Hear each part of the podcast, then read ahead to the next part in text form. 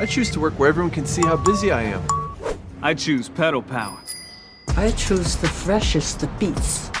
I choose to never burrito and drive. Whatever you choose, choose transit and do your part to spare the air. Merhaba sevgili dinleyiciler, ben Murat Yeşildere. Eyvah CEO Doğruyor kitabının yazarı, toplumsal cinsiyet eşitliği aktivisti ve kadrolu podcasterınız. Çalışan kadınların doğurmasını gayet normal karşılayan podcast serimde başarılarıyla ilham veren kadınları konuk olarak ağırlıyorum. Şimdi sıkı durun. Menarini'nin katkılarıyla hazırlanan Türkiye'nin ilk %100 cinsiyet eşitliği garantili podcastinin bu haftaki konuğu İpek Cankat. Menarini'nin katkılarıyla sizlere ulaşan Eyvah CEO Doğruyor da bu hafta konuğumuz İpek Cankat. İpek hoş geldin. Hoş bulduk Murat. Çok teşekkür ederim beni davet ettiğin için. Ee, ben teşekkür ederim vakit ayırdığın için. Ee, biliyorum e, senin için yoğun dönemler. Ee, İstanbul Modern tekrar kapılarını e, ziyaretçilere açıyor bu Çin'de bulunduğumuz haftalarda. E, İpek İstanbul Modern İş Geliştirme Direktörü. E, Yılmaz bir toplumsal cinsiyet eşitliği aktivisti ve e, bir yanındayız üyesi. E, hatta bizim en son katılan üyelerimizden bir tanesi. İstersen oradan başlayalım İpek. Neden yanındayız? Neden bu toplumsal cinsiyet eşitliği aktivizmi? Esasında e, bu aktivizm de çok yeni benim için. E, bu bir birikim sonucu oldu diyeyim. E, zaman içinde e, yani çok ticari bir geçmişten geliyorum. Kendimin ne kadar e, elitist bir ortamda beyaz Türk olarak e, büyüdüğümü ve işte iki buçuk senelik müzecilik kariyerimde de e, farkındalığımın ne kadar düşük olduğunu e, yani fark ettim. E, ve bir şeyler e, yapmalıyım dürtüsü beni harekete geçirdi diyebilirim açıkçası. E, müzeye kadar dediğim gibi yani çok e, daha ticari kurumlarda çalıştım. E, ve böyle bir hani nasıl diyeyim kapitalist sistemin içinde kavrulurken sosyal sorumluluklarımın hiç farkında e, değilmişim. Yani o o çok net bir mesaj oldu bana. E, günün sonunda ya burada şunu öğrendim. Müzeler e, sadece sergileme alanları değil. E, mesela İstanbul Modern'de e, bir eğitim kurumu e, ve Birleşmiş Milletler e, sürdürülebilir kalkınma hedefleri e, arasında yer alan işte eşitsizliklerin azaltılması ya da toplumsal cinsiyet eşitliği gibi hedeflere yönelik e, projeler tasarlayan önemli bir kurum. Dolayısıyla bu ortamda çalışmak e, benim de e, aydınlanmama da yardımcı oldu diyebilirim. Ve e, Yanındayız Derneği'nin kapısını ben açıkçası bu şekilde çaldım. Peki e, aslında e, demin senin bıraktığın o bir müzenin bir eğitim e, kurumu olarak da tanımlanabileceğinden e, yola çıkmak istiyorum. Çünkü seninle sohbet ederken e, şu anda İstanbul Modern'de devam eden e, özellikle e, çocukları, gençleri e, sanat hı yapmaya, sanatta kendilerini ifade etmeye yönelik çalışmalar var. Hani bir anlamda onların özgüvenini arttırmaya ve bu konudaki farkındıklarını arttırmaya da çalışıyorsunuz. Bunu da Doğru. aslında kız erkek ayrımı olmadan bütün çocuklara, bütün gençlere yönelik yapıyorsunuz. Hem biraz bize bunlardan bahset hem de bu anlamda da ben bunları bizim konuştuğumuz bu fırsat ve hak eşitliği için e, erken yaşlarda o özgüvenin yükselmesi açısından çok değerli, çok önemli buluyorum. Çok doğru. Ee, şimdi Türkiye'nin ilk modern ve çağdaş müzesi e, İstanbul Modern ve e, sürdürülebilirlik çatısı altında da e, eğitimde fırsat e, eşitliğini sağlamak amaçlı yılda e, 50 bin e, genç ve çocuğa ücretsiz e, sanat eğitimi veren bir kurum. E, buranın Milli Eğitim Bakanlığı'yla e, işte protokolleri var. Hatta Milli Eğitim Bakanlığı'yla tek protokolü olan Kültür Sanat e, Kurumu da burası. Bizim e, 10 kişilik bir eğitim ekibimiz var ve bir arkadaşımız sadece e, bu devlet okullarının kapısını çalmak ve oradaki çocukları müzeye getirmek, onlara atölye çalışmaları yaptırmak, işte buranın koleksiyon sergisini e, göstermek için turlar düzenlemek üzerine çalışıyor.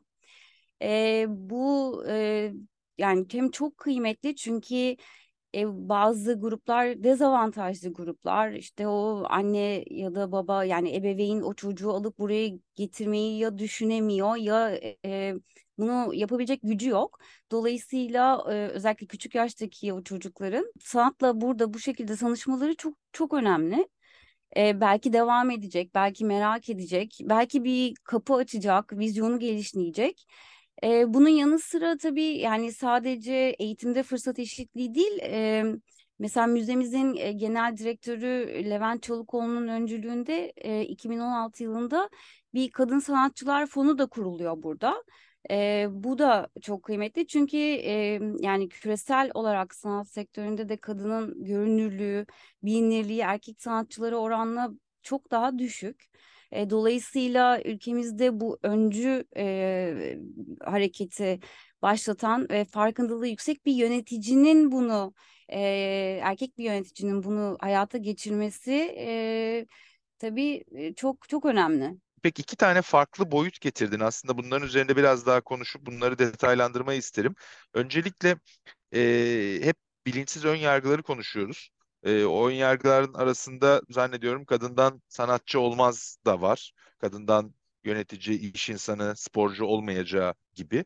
E, o ön yargının etrafında birazcık e, konuşmak, belki de e, bunu senin elinde varsa verilerle de desteklemek e, değerli olabilir. Hani dünyada bununla ilgili e, neleri konuşabiliriz? Çünkü bildiğim kadarıyla aslında e, Türkiye'de bu konuda e, bir anlamda bunun öncülüğünü yapmış kadınlar da var e, tarihe baktığımızda. Belki o konuda bize bilgi verebilirsin. İkincisi de genel olarak müzecilik ve müze tarafı. O tarafta da müze yöneticiliği de önemli bir iş e, ve orada da maalesef görüyoruz ki e, erkekler daha hakim, özellikle yönetici rollerinde diyebiliyorum. Gene o konuda da bizi aydınlatabilirsin diye düşünüyorum. Ben tabii yani iki buçuk senelik bir müzecilik geçmişim var. E, nispeten buradaki çalışma arkadaşlarıma göre çok e, yeni bir müzeciyim.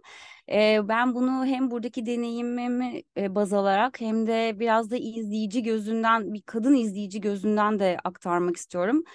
E, ya zaten yüzyıllarca e, kadının kimliği, e, toplumsal normlar, e, cinsiyet rolleri, e, sosyokültürel çevreler ve özellikle erkekler tarafından e, belirlenmiş. Maalesef sanat tarihi de e, erkek e, sanatçılar üzerinden yazılmış. E, yani sanat tarihi okuyan arkadaşlarımdan biliyorum ki yani ilk okudukları kitap e, yanlış söylemiyorsam, yanlış telaffuz etmiyorsam e, Gombrich tarafından yazılmış olan Sanatın Öyküsü kitabı ve e, işte tarih öncesinden başlıyor. Çağdaş sanata kadar 688 sayfada sadece bir kadın sanatçı isminden bahsediyor. E, dolayısıyla e, bu da yani e, tarih boyunca kadınların yani neyi gösterdiğini sorguluyorum ben sanatçı olmadığını mı ya da nitelikli bir iş çıkaramadıklarını an, anlamına mı geliyor? E, bu tabii direkt müzede çalışan bir kadın olarak aklıma gelen ilk şey. E, hatta e, yani çok kıymetli Şükran Moral'ın bir lafı var. E, sanat tarihini yazan penistir diyor. E, yani sonuçta iş buraya mı geliyor? E, İstanbul Modern'de mesela e, şöyle bir şey var. E, Kadın Sanatçılar Fonu biraz önce bahsettiğim Kadın Sanatçılar Fonu'yla biz kadın e, üretimlerine destek e, olmaya, çalışmalarının ve bilinirliklerinin e, görünürlüklerini arttırmaya, e, üretimlerinin çoğalmasına destek vermeyi amaçlıyoruz ve bunun için bir kaynak e, fon yar, e, yaratmış burası. E, bu kaynakla da kadın sanatçıların yapıtlarını e, müzenin e, koleksiyonuna kazandırmaya çalışıyoruz. Çünkü koleksiyon dediğin şey esasında müzenin kalbi. E, ve e, neden 2000 onların ikinci yarısında e, müzeler e, kadın sanatçılara yönelik eşitlik sağlayıcı böyle bir girişimde bulunma ihtiyacı duyuyor. Belki de biraz hani ilerleyen dakikalarda bunu da konuşabiliriz. Ve buraya kadar olan bölümünde de yani enteresan çok enteresan e, veriler var. E, onların bazılarını da ben istiyorsam e, paylaşabilirim. Çok çok sevinirim. Aslında o soruyu da ben de onu merak ediyorum. Hani belki şöyle e, açayım e, birazcık daha dizi açısından da net olması adına. E, ben de şeyi merak ediyorum. Hani bu bir farkındalığın ve e, karar vericilerin e, bu doğru yola doğru yönelmesinin e, bir göstergesi mi yoksa öteki tarafta talep e, toplumsal cinsiyet eşitliği anlamında o kadar yükseldi ki müzelerde buna kayıtsız kalamıyorlar ve ona uygun e, kürasyonlar, koleksiyonlar veya bu tip e, finansal kaynaklar mı yaratmaya çalışıyorlar?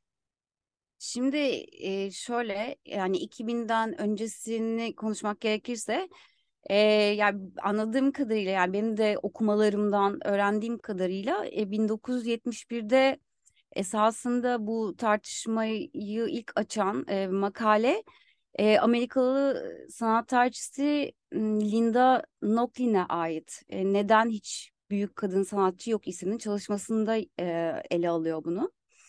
E, kadınların sanatta başarılı olmalarını engelleyen e, kurumsal e, nedenleri e, incelemesiyle tanınıyor esasında. E, kadınların şöyle 1870'lere kadar e, sanatsal mesleklerden ve eğitimden büyük ölçüde e, men, men edildiğini biliyoruz. Yani e, bu zaten e, benim araçlarım sonucunda da elde ettiğim veri bu. E, dolayısıyla eşitsizliğin e, kökeni e, ilk en başta bu mesleki eğitimi alamıyor olmalarından kaynaklanıyor. Yani eşitsizlik zaten burada başlıyor. E, galeri e, temsilindeki farklılıklar, kadın küratörlerin ve koleksiyoncuların oranı, e, günümüzde yani bu eşitsizliği devam etmesini sağlayan e, nedenler olarak öne sürülüyor. E, tabii bir de genel olarak mesela yani sen de çok iyi biliyorsun iş piyasasında zaten mevcut olan bir işte cinsiyete dayalı ücret farklılıkları e, maalesef sanat sektöründe de mevcut. Ben mesela burada çalışmaya başladığımda sanat tabii yaratıcı bir alan olduğu için yok canım hiç böyle bir şey sanatta olmaz gibi e, bir düşüncem vardı. Ama işin içine girince meğerse öyle değilmiş. E, kadın sanatçıların eserleri erkek sanatçıların benzer eserlerine verilen fiyatların çok mesela altında satılıyor. 2008-2019 e, yılları arasında mesela sanat müzayelerinde harcanan e, 196 milyar doların sadece 4 milyarını yani toplam e, satışların yaklaşık yüzde ikisini kadın e, kadın sanatçıların e, yapıtları eserleri oluşturuyor. Çok çarpıcı bu. Ya bunun içinde eminim tarihsel bir akış da var ama sen e, cümlenin içinde aslında e, değer bulmakta da zorlandığını kadın sanatçıların söylüyorsun. E, aynen öyle. Mesela bir örnek e, sanatçıları yaşadıkları dönemleri veya usluplarını tabii ki e, karşılaştırmıyorum. E, bir açık arttırmada e, 450 milyon dolara satılan Leonardo da Vinci'nin Salvador Mundi adlı eseri bugüne kadar ödenen en yüksek fiyattır. Bir kadın sanatçı için ise rekor bu değerin %10'undan daha aza satılan Georgia O'Keeffe'in Jimson Wheat White Flowers adlı eseri için ödenen 44.4 milyon dolardır. Altını çiziyorum. Sanatçıları karşılaştırmıyorum. Ancak rekorlar farklı, farklılığının arasındaki uçuruma dikkat çekmek istiyorum. 2000'lere kadar bu ayrımcılığa ait mesela ilginç veriler var. İşte Forbes'un bir araştırması var. Şimdi şaşıracaksın bence ama erkek sanatçı bir sanat eserini imzaladığında imzasız bir tabloya kıyasla eseri art, eserin değeri artıyor. Ancak bir kadın e, sanatçı eseri imzaladığında eserin değeri düşüyor. Tabii çok ilginç bir veri bu. Çok çok çok acayip. Yani şöyle e, şaşırtıyor mu desem maalesef şaşırtmıyor. Çünkü hani benzer bir durumun e, ben edebiyatta da e, karşılığı olduğunu e, görmüştüm, öğrenmiştim. Hatta ben e, bir espri latife olsun diye e, kendi kitabımın da M. nokta Yeşildere diye e, Evet. imzalamıştım. E, çünkü yani çok e, son 100 yılın aslında konusu e, kadın yazarlar e, bahsettiğin gibi erkek yazarlar kadar değer bulamıyor. Hatta yayıncılar kadın yazarların eserlerini basmak istemiyor. E, ki bu hani bu böyle hani 100 yıllar öncesinden bahsetmiyoruz. E, çok e, meşhur ve popüler e, Harry Potter serisinin yazarı J.K. Rowling e, diye isminin baş harfleriyle kadın yazar e, ancak bunu e, bastırabiliyor yayıncılara. E, o yüzden de hani konu aslında hala çok güncel ki sen çok daha güncel e, verilerle e, bize bunu gösteriyorsun. E, ama diğer taraftan da tabii çok üzücü. E, hani sanatta bile bunun karşılık bulaması, bulamaması ve bence asıl önemli olanı da e, senden duyduğum hani bu veri olarak geliyor tarihsel olarak ama bugün bir kesit aldığımızda yani 2022'ye 23'e baktığımızda da resim çok farklı değil diyorsun sen. Yo esasında değişiyor yani e, buraya Öyle mi? Yani umut ver o zaman. Bence bence var yani gerçekten ben araştırıyorum dediğin gibi öncelikle merak ediyorum bir kadın olarak hayrete düşüyorum Ee, ama yani istersen e, daha ilginç veriler de var. Ben bunları da paylaşmak istiyorum önce 2010'lara gelmeden önce. Ee, bence dinleyicilerimiz için enteresan olabilir. İzninle birkaç veri daha var elimde vermek istediğim. E, yine Forbes'un bir araştırmasına göre mesela e, Amerika gibi bir e, ülkede e, 18 Büyük Sanat e, Müzesi üzerinde yapılan bir analize göre koleksiyonların %87'si erkek sanatçı ve hatta e, tabii orada biraz daha ırk sorunu da var ama e, 85'i beyaz sanatçıdan oluşuyor. E, 2022'de hazırlanan bir e, The Burns Halperin raporu var. Orada da mesela e, 2008-2020 arasında 31 e, Amerika Birleşik Devletleri Müzesi'nde yapılan e, satın alımların sadece 11'i e, ve sergilerin de %15'e yakın bir oranı kadın sanatçıların eserinden oluşuyor. Yani çok korkunç rakamlar bunlar. Dünyanın en büyük müzeleri olan British Museum ki kuruluşu 1753, e, The Metropolitan Museum of Arts'ın kuruluşu 1870, e, kuruluş tarihlerinden bugüne kadar hiçbir zaman bir kadın müze direktörü olmamıştır. 1793'te kurulan Louvre'un ise 228 yıl sonra Mayıs e, 2021 yılında ilk kez bir kadın müze direktörü olmuştur. E, bu durumda ben İstanbul Modern'in sanat dünyasında önemli bir yeri olduğunu düşünüyorum. Bu dünyadaki rakamlara göre her şeyden önce Türkiye'nin ilk modern ve çağdaş sanat müzesi olan İstanbul Modern'in kurucusu ve yönetim kurulu başkanı bir kadındır. Sayın Oya Eczacıbaşı. Müzedeki tüm birim direktörlüklerinin başında bir kadın ekip yöneticisi, yöneticisi var.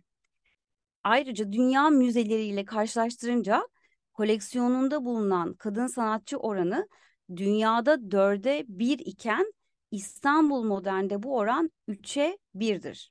Hem kurumsal olarak kadın çalışan oranı hem de müzede yer alan kadın sanatçının oranı çok iyi. Çok Ee, çok iyi bir oran.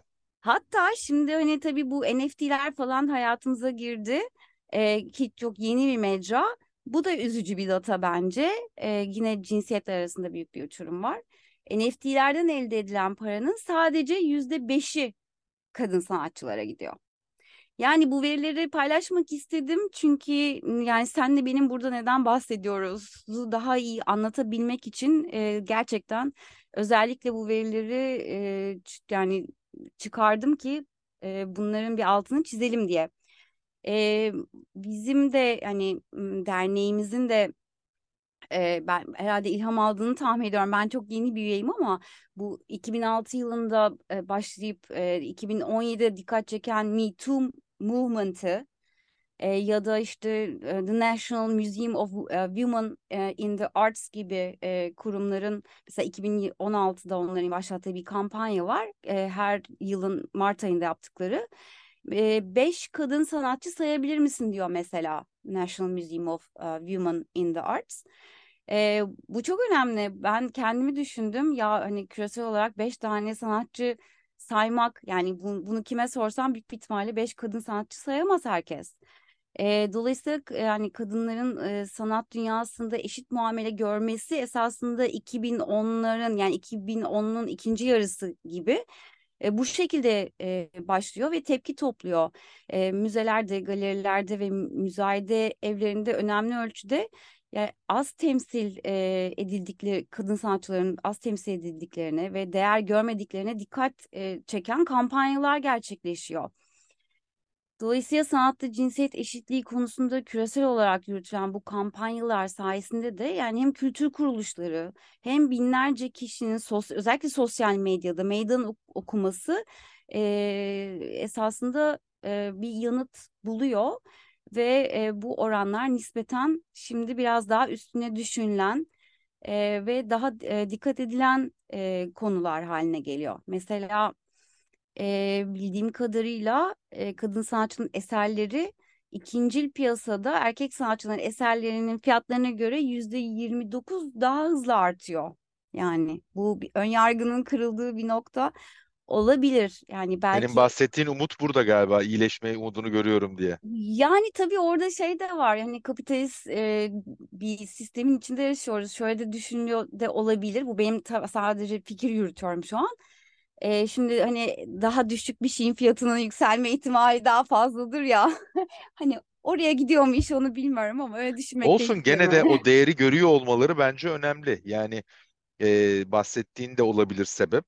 E, ama gene de e, %30 daha hızlı yükseliyor olması e, Evet. demek ki e, sanat e, konusunda yatırım yapan veya bu eserlerin peşinde olan insanların e, o değeri görerek daha fazla değer biçtiğini e, gösteriyor. E, çok çok değerli şeyler ve özellikle mesela senin bahsettiklerin içinden e, ben gene o, o aktivist e, tarafla bu e, beş kadın sanatçı e, sayabilir misin kısmını e, önemli buluyorum. Yani bunu belki de e, farklı alanlarda böyle bir kampanya olarak yanındayız gündemine e, getirip e, orada da yeni dönemde e, kamuoyunu bu anlamda yönlendirmeye çalışabiliriz. Çünkü hayatın birçok alanında beş kadını saymak hakikaten e, önemli bir e, soru.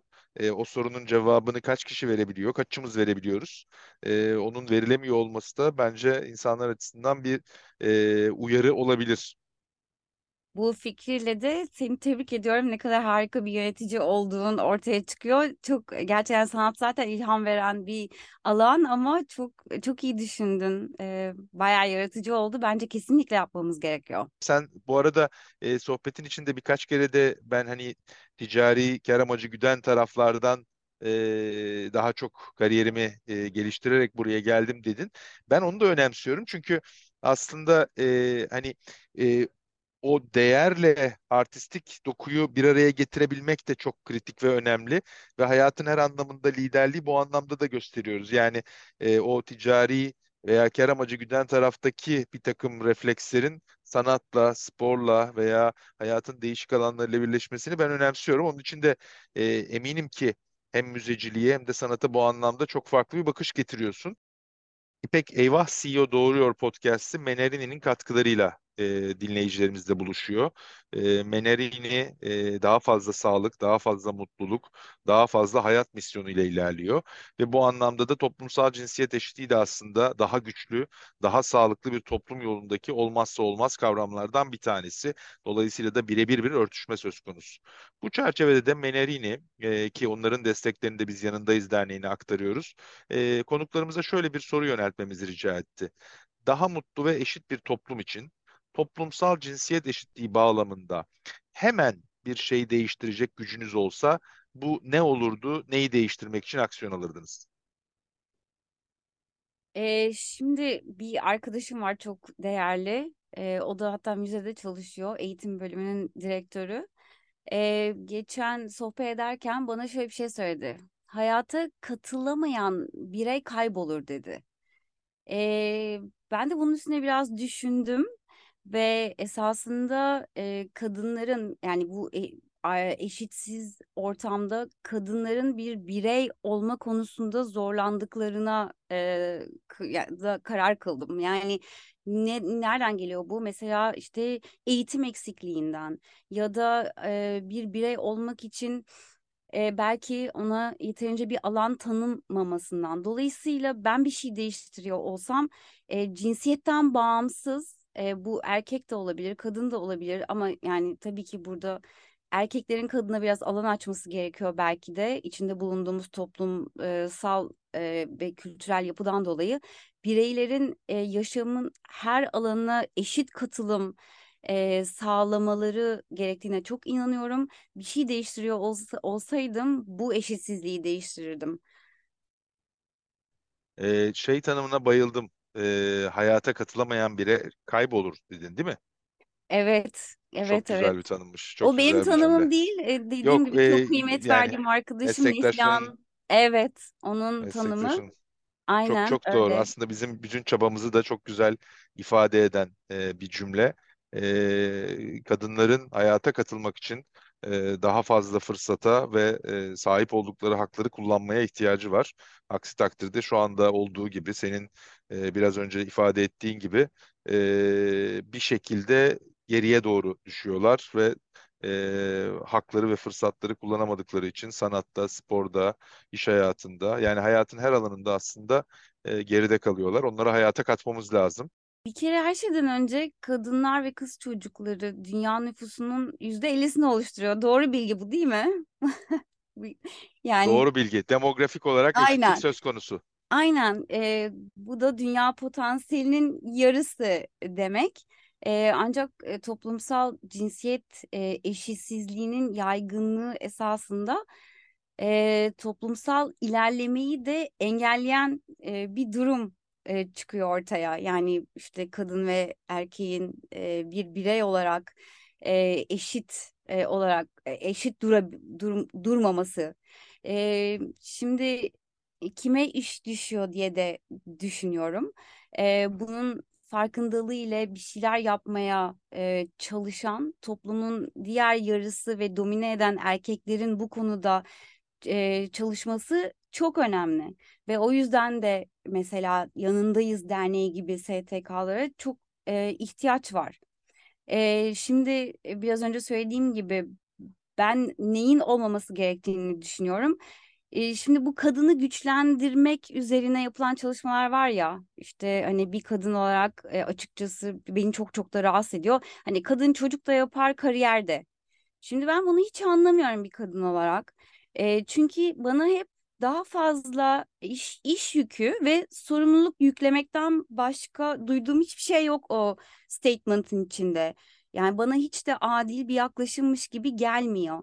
Çünkü e, ya ben şimdi çalışıyorum, e, çocuk yapamadım e, ya da yapmayı tercih etmedim ama yani yapmadım. Ya da e, işte ikisini aynı anda yapamadığım için e, duvara mı toslamış oluyorum? Yani bu bu zaten doğa, doğal olarak geliyor olması lazım bunun. Erkek için durum aynı değil. E, dolayısıyla buradan da kadınların yaşam kalitesinin güçlendirilmesi gerektiğini düşünüyorum. E, yapacaklarının değil. Yani bence bu da çok çok önemli. Belki e, yani hem erkeğin hem bunun farkında olan kadının e, birbirine destek olması gereken nokta bu. Kadınların yaşam kalitesi güçlendirilmeli. Yani bu eğitimle mi olur işte yanındayız derneği gibi derneklerin yardımıyla mı olur ama bana yapacaklarımı kimse söylemesin yani ben televizyonu açıp herhangi bir markanın bana e, woman empowerment'tan bahsetmesinden bir kadın olarak hiç hoşlan hoşlanmıyorum açıkçası. Yani e, ben üniversiteyken e, John e, Stuart Mill'in kitabını okumuştum. E, onun da dediği gibi doğal olanı e, kabul etmeliyiz ki kadın erkek kadar doğal ve ona o kadar da eşit. E, dolayısıyla bu biz doğal değilmişiz gibi sonradan e, bizi güçlendirme politikaları bana iyi gelmiyor açıkçası bir kadın olarak. Harika, harika. Elif Elkin'i bu podcast'te e, konuk ettim ve gene e, yanındayızdan konuşurken o da e, hani çalışan erkek diye bir kavram var mı? Niye çalışan kadın diye bir kavram var diye beni böyle Doğru. sarsan bir e, tespitte bulundu. E, senin söylediklerinde birazcık bana onu andırıyor. Yani bazı şeyleri biz e, kadınlar için e, tırnak içinde doğalmış gibi e, görüyoruz ve e, onların o yolda hareket etmesini istiyoruz. Halbuki e, senin de ifade ettiğin gibi evet bizim kadınları e, hayata dahil etmek için çaba göstermemiz gerekiyor ama ne yapacaklarına verecekleri kararı kadınların kendilerinin kararı olması ve onun o yolu kendilerinin çizmesi gerekiyor. Ben senden birazcık da bunu duyuyorum. Yo yo kesinlikle öyle ve dediğim gibi yani yanındayız derneğine katılmamın sebebi de bu. Eğer bir şeyleri değiştirebiliyorsak da bu e, yani kadınına ne yapacağını söylemeden işte e, işte erkeği bu konuda eğitmek üzerine e, kurulu bir stratejimiz olduğunu da çok e, çok iyi biliyorum ve bu zaten benim bu derneği seçmemin en büyük sebebi de buydu. E, yaşam bizim yani kadınların yaşam kalitesini güçlendirmek üzerine e, erkeklerle beraber ne yapabiliyorsak çünkü dediği gibi e, Elif'in de e, erkek aynı durumda değil ve bu çok büyük bir ayrımcılık. E, esasında ben erkeklerin bu durumu pandemi döneminde biraz olsun e, deneyimlediklerini ve belki kadınlarla empatiyi daha kolay kur kurabildiklerini düşünüyorum. Neden diyeceksin?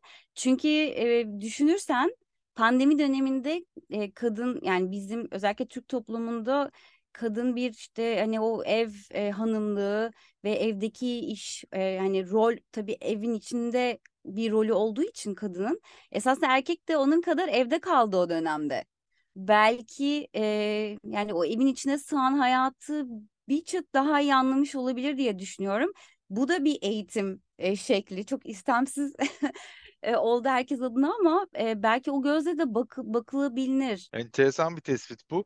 Neden böyle düşünüyorsun? Yani pandeminin hangi yanıyla sence erkekler o farkındalıklarını birazcık daha olsun arttırdılar?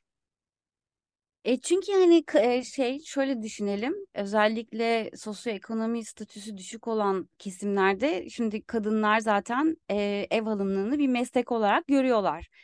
E, ya bu araştırmalarda da karşımıza çıkıyor. E, ve esasında bu bir gelir elde etmiyor. Belki takdir görmüyor.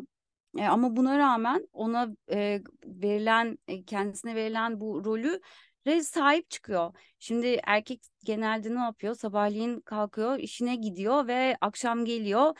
E, beklediği bazı şeyler var. İşte evi temiz olacak, karnı doyacak. Değil mi? Yani bunlar kadın rolünden beklenen e, içinde yaşadığımız e, ve bildiğimiz e, beklentiler.